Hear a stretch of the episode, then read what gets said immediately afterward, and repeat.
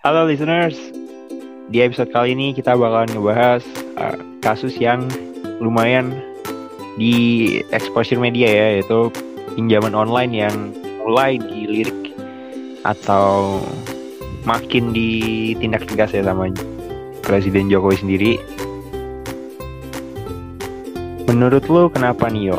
Maksudnya kayak pinjaman online itu ilegal gitu. Ada yang ilegal, ada yang legal, ada yang ilegal. Kalau menurut gue itu kalau yang legal nih ya, menurut gue nih, kalau yang legal itu kan pasti misalnya lu minjem 10 juta nih, dia ngasihnya pasti kan 10 juta pas, dan terus ada bunganya tuh bunganya ya paling 10% apa 5% itu kan nggak terlalu gede banget kan. Dan uang Ah, ya.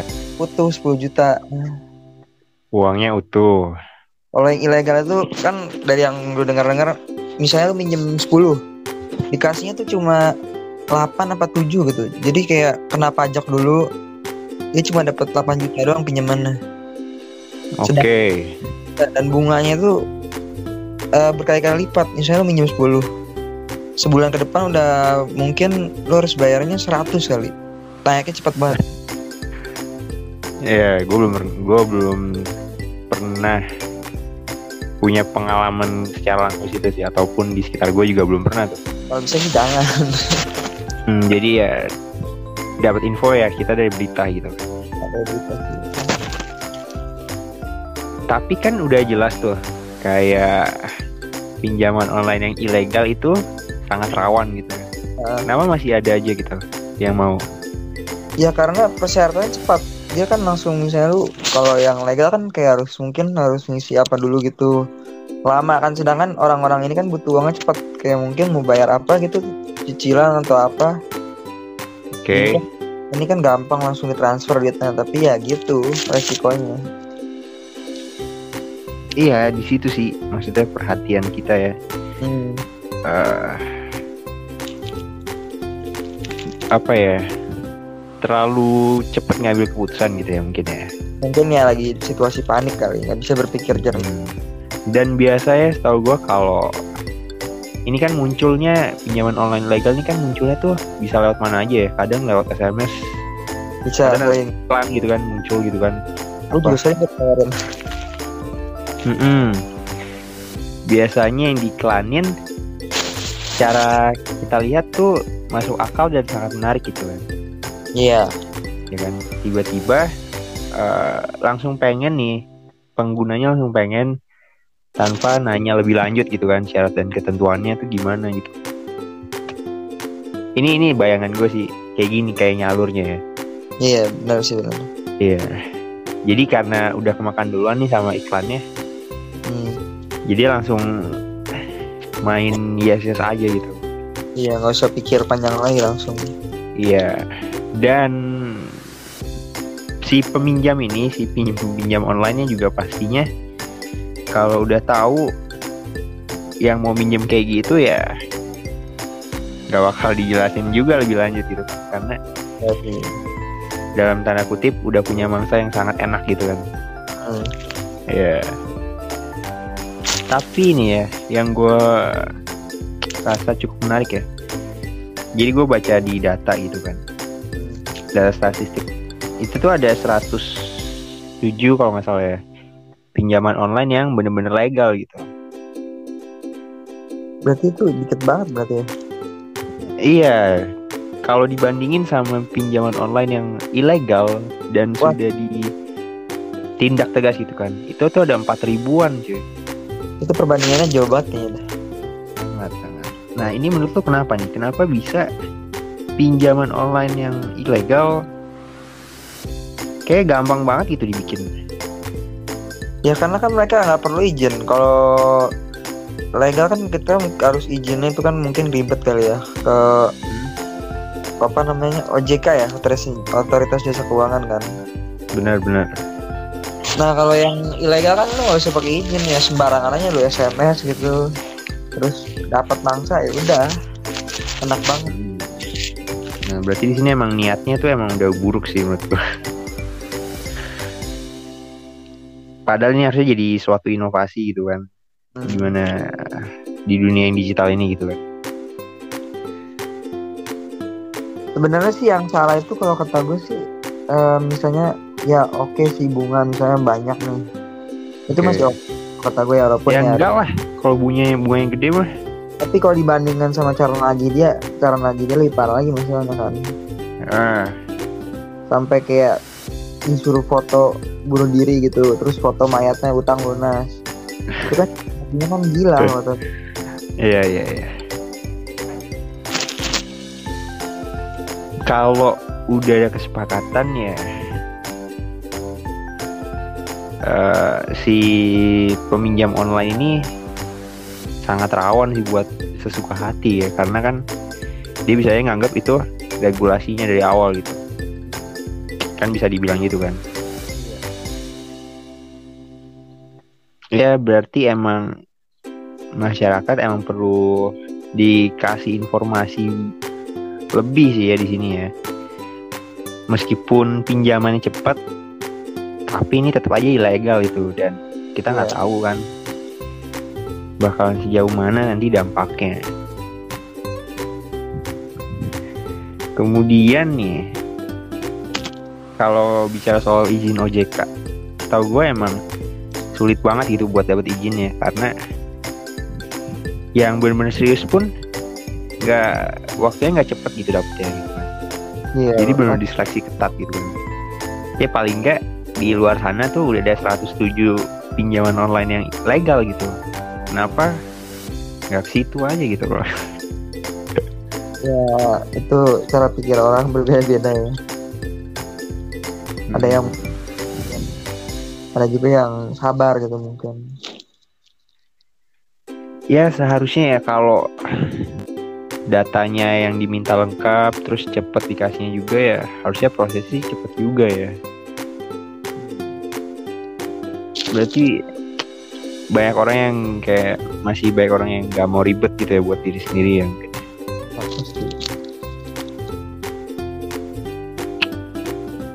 kemudian tadi kan kita udah lihat tuh perbedaan yang kontras banget tuh. Pinjol eh, pinjaman online yang legal Legal-legal. ataupun yang ilegal gitu. Kalau dari lu sendiri kita bayangin ya lu misalnya pakai kan fasilitas ini tuh buat keperluan apa sih? Bayangin aja. Sampai harus itu ya pinjaman online gitu. Hmm, ini kalau dari gue ya hmm.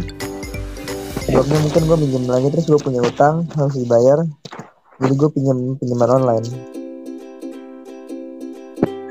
Dan itu bakal berantai sih kalau buat gue mungkin iya sih. Itu bakalan berantai ya kalau gitu. bisa bisa. Atau mungkin juga lu misalnya nyicil motor. Tapi Ah, lu di PHK di kena PHK gitu kan lu bingung kan mau bayar motor pakai apa sekarang jadi terpaksa pinjam pinjaman online mungkin gitu eh kalau dari lu sendiri gimana seandainya lu harus banget gitu ya pakai pinjaman online ya.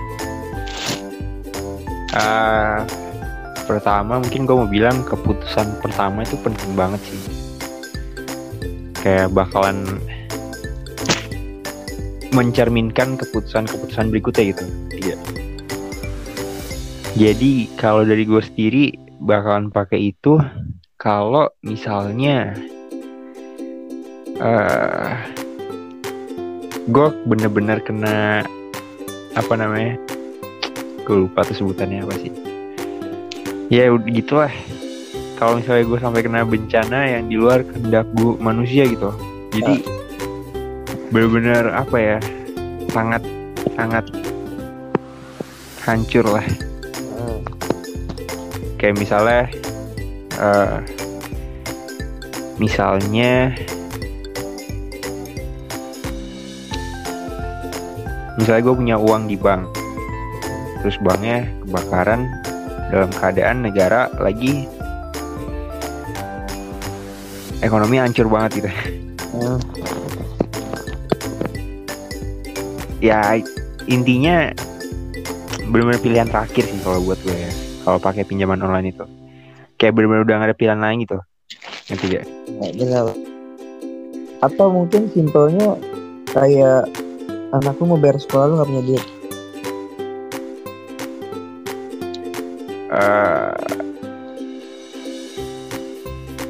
Enggak juga sih karena dari gue pribadi bakalan siapin dulu gitu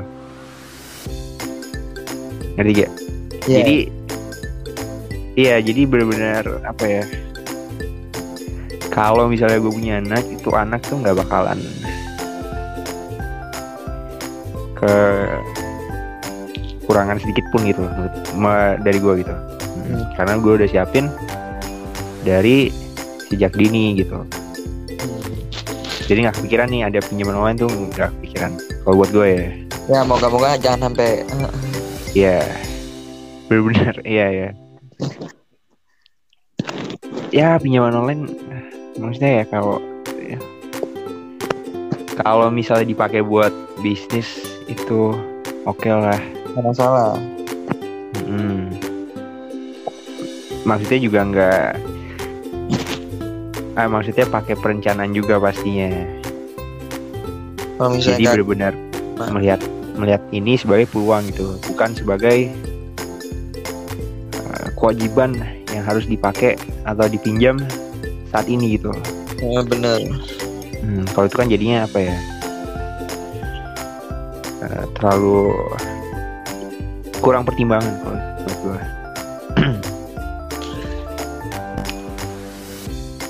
Habis itu uh,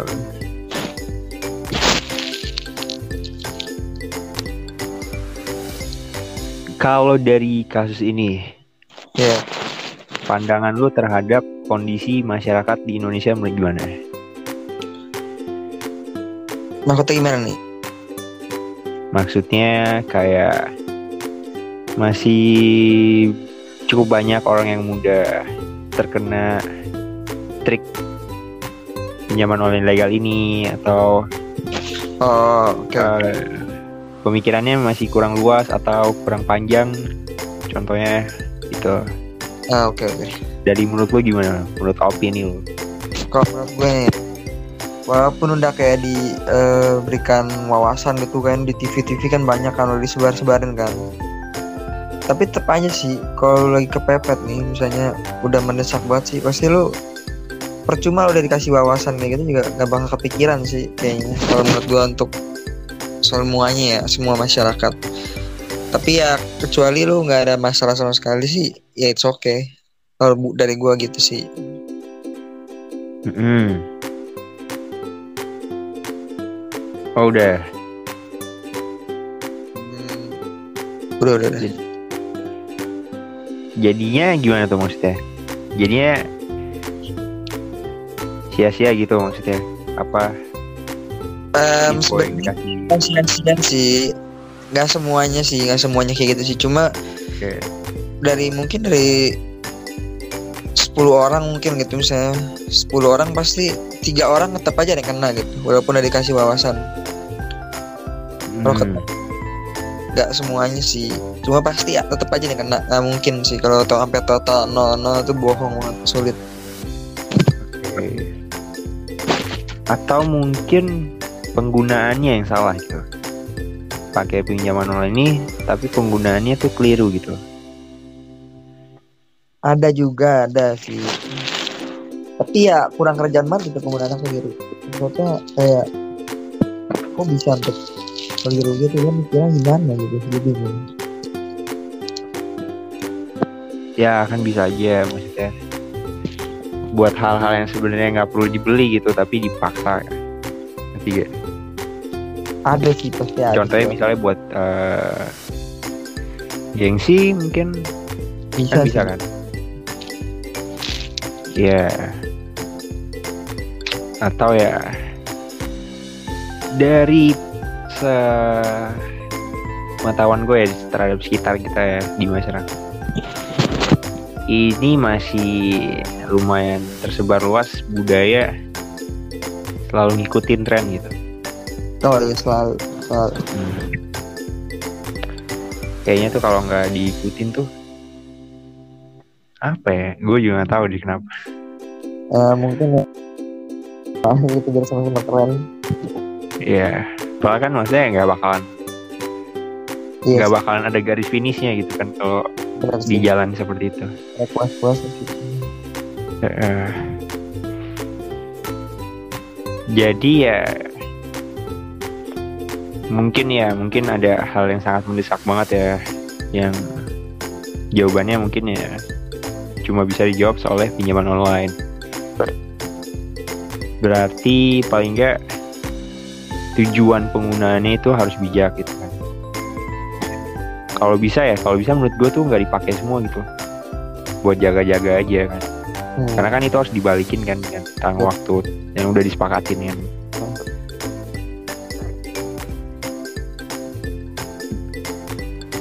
Biasanya tiap bulan ya gitu ya jangka waktunya.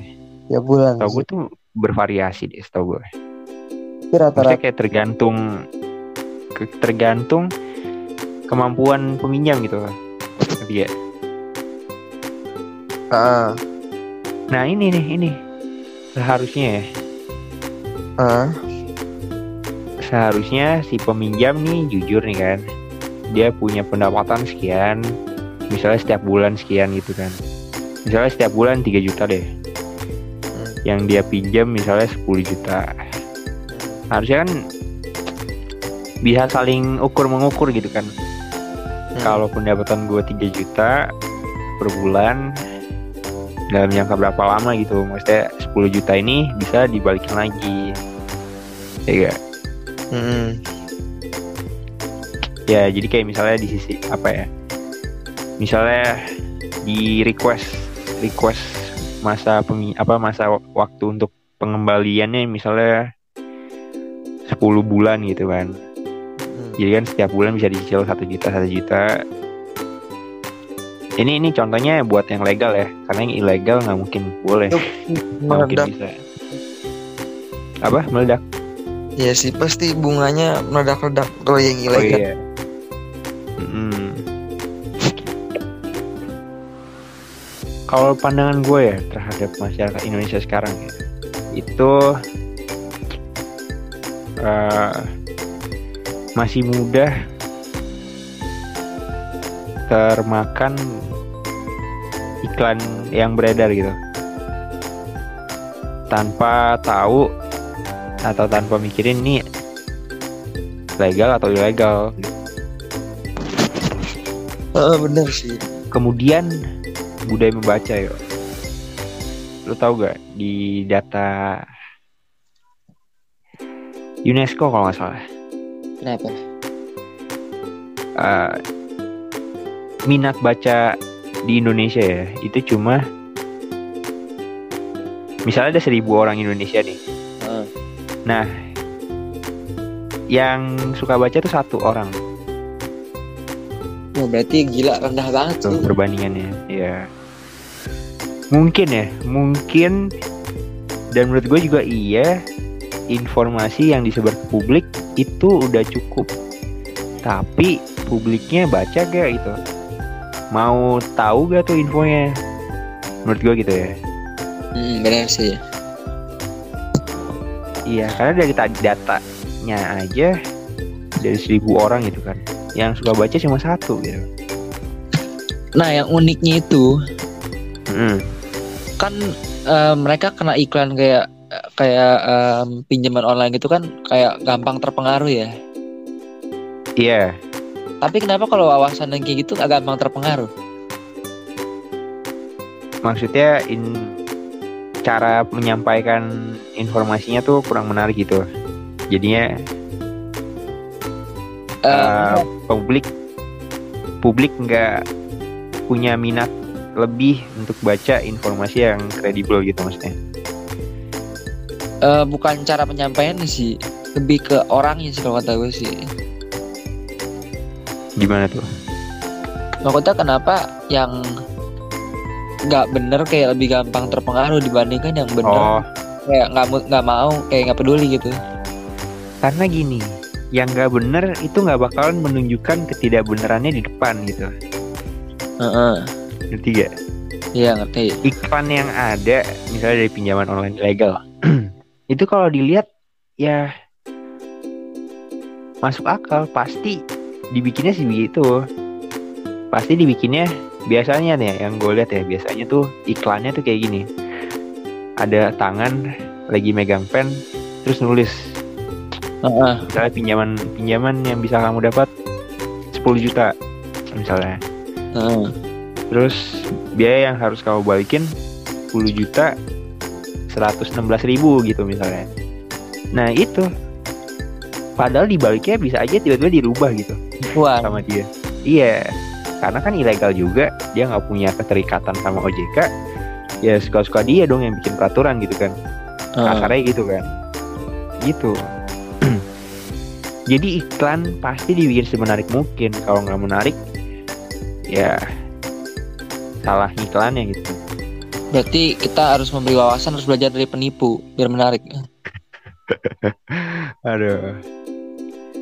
Ya karena iklannya nggak mungkin dong dia jujur. Heeh, benar sih benar. Ya benar. kan, pinjam 10 juta, balikin 15 juta dalam waktu 20 hari kan siapa yang mau gitu kan. Iya gitu sih. Dan gue mau nanya lagi nih. Eh, Hmm. Misal lu kepepet nih, mau melakukan pinjaman online. Kenapa lu nggak Iya nggak ada pilihan lain gitu ya. Kenapa lu nggak pinjam keluarga lu dulu? Oke. Atau teman? Oh, Kenapa harus ke online? eh, mungkin nggak mau ngerepotin atau atau mungkin udah kebanyakan minjem. Oh gengsi juga bisa. Gengsi juga bisa. Padahal keluarga sendiri gitu kan. Ya. Dari sini sih gue lihat kayak pertama kurang apa ya?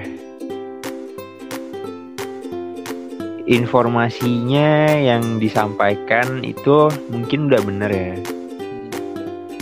Mungkin juga di berita juga sering dikampanyekan gitu kan hal ini. Tapi ya mungkin juga eh, si peminjam online ini nggak mau ribet gitu. Kayak tadi lu bilang kalau pinjaman online legal mungkin makan waktu atau proses yang lebih lama gitu kan. Hmm. Nah, di sini yang jadi hal menarik juga kalau ternyata ya itu masih ada orang yang uh, mikiran mikirinnya tuh buat saat ini gitu. Padahal hal yang gak enak tadi, misalnya hal yang gak enak tadi prosesnya cukup lama. Padahal itu bikin dia tenang dalam beberapa tahun ke depan gitu kan. Iya, Hmm, bukan saat doang. Iya. Ya itu gila sih. Wah bunganya gede banget sih. Kalau Ya. yang ilegal. Tuh nggak tahu juga ya kenapa ya, gue juga bingung. Ada cara berpikir yang menurut gua belum tepat. Tapi udah mengakar gitu di Indonesia. Terutama dalam bidang keuangan ini ya. Menurut gua gitu. Contohnya deh. Contohnya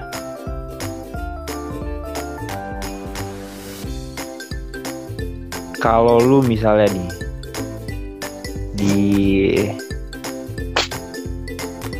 dikasih 5 juta 50 juta nih langsung di depan muka. Amin.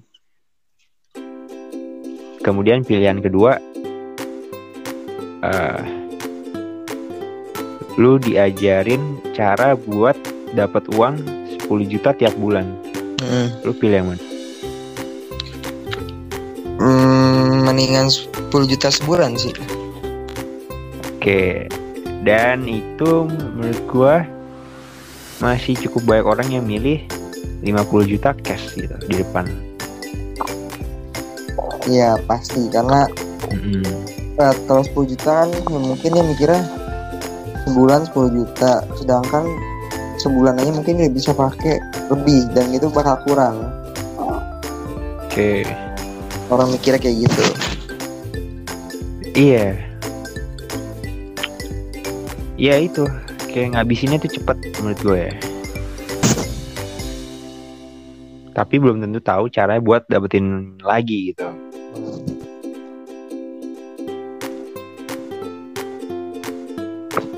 Mm-mm. Oke deh listeners, dari pembicaraan yang udah kita bahas, diskusi dan juga pandangan kita dan juga ada sepintas solusi gitu ya. Menjadikan keputusan pertama yang kalian buat itu sangat-sangat penting karena bakalan mencerminkan keputusan kalian berikutnya gitu. Jadi saat punya hak buat mengambil keputusan di keputusan pertama itu benar-benar dipikirin matang-matang-matang banget ya ini kan Hmm. Hmm. karena kita juga udah sering dengar eh, penyesalan tuh di terakhir gitu kan Iya. oke deh mungkin sekian untuk episode kali ini semoga ke depannya pinjaman online ilegal ini semakin berangsur-angsur surut hingga nggak ada lagi ya. Jadi semuanya tuh legal aja gitu. Jadi biar sama-sama enak dan sama-sama tenang gitu, baik yang minjam maupun yang dipinjam gitu. Iya. Karena pasti kan persetujuannya udah dua pihak kan, kalau legal mah. Jadi bisa diukur kemampuan si peminjam ini bisa gak nih dikasih pinjaman dan yang minjam juga nggak boleh keras kepala kalau misalnya belum dianggap layak gitu kan Iya. iya karena ini kan dipinjam berarti harus dibalikin oke deh stay tune and bold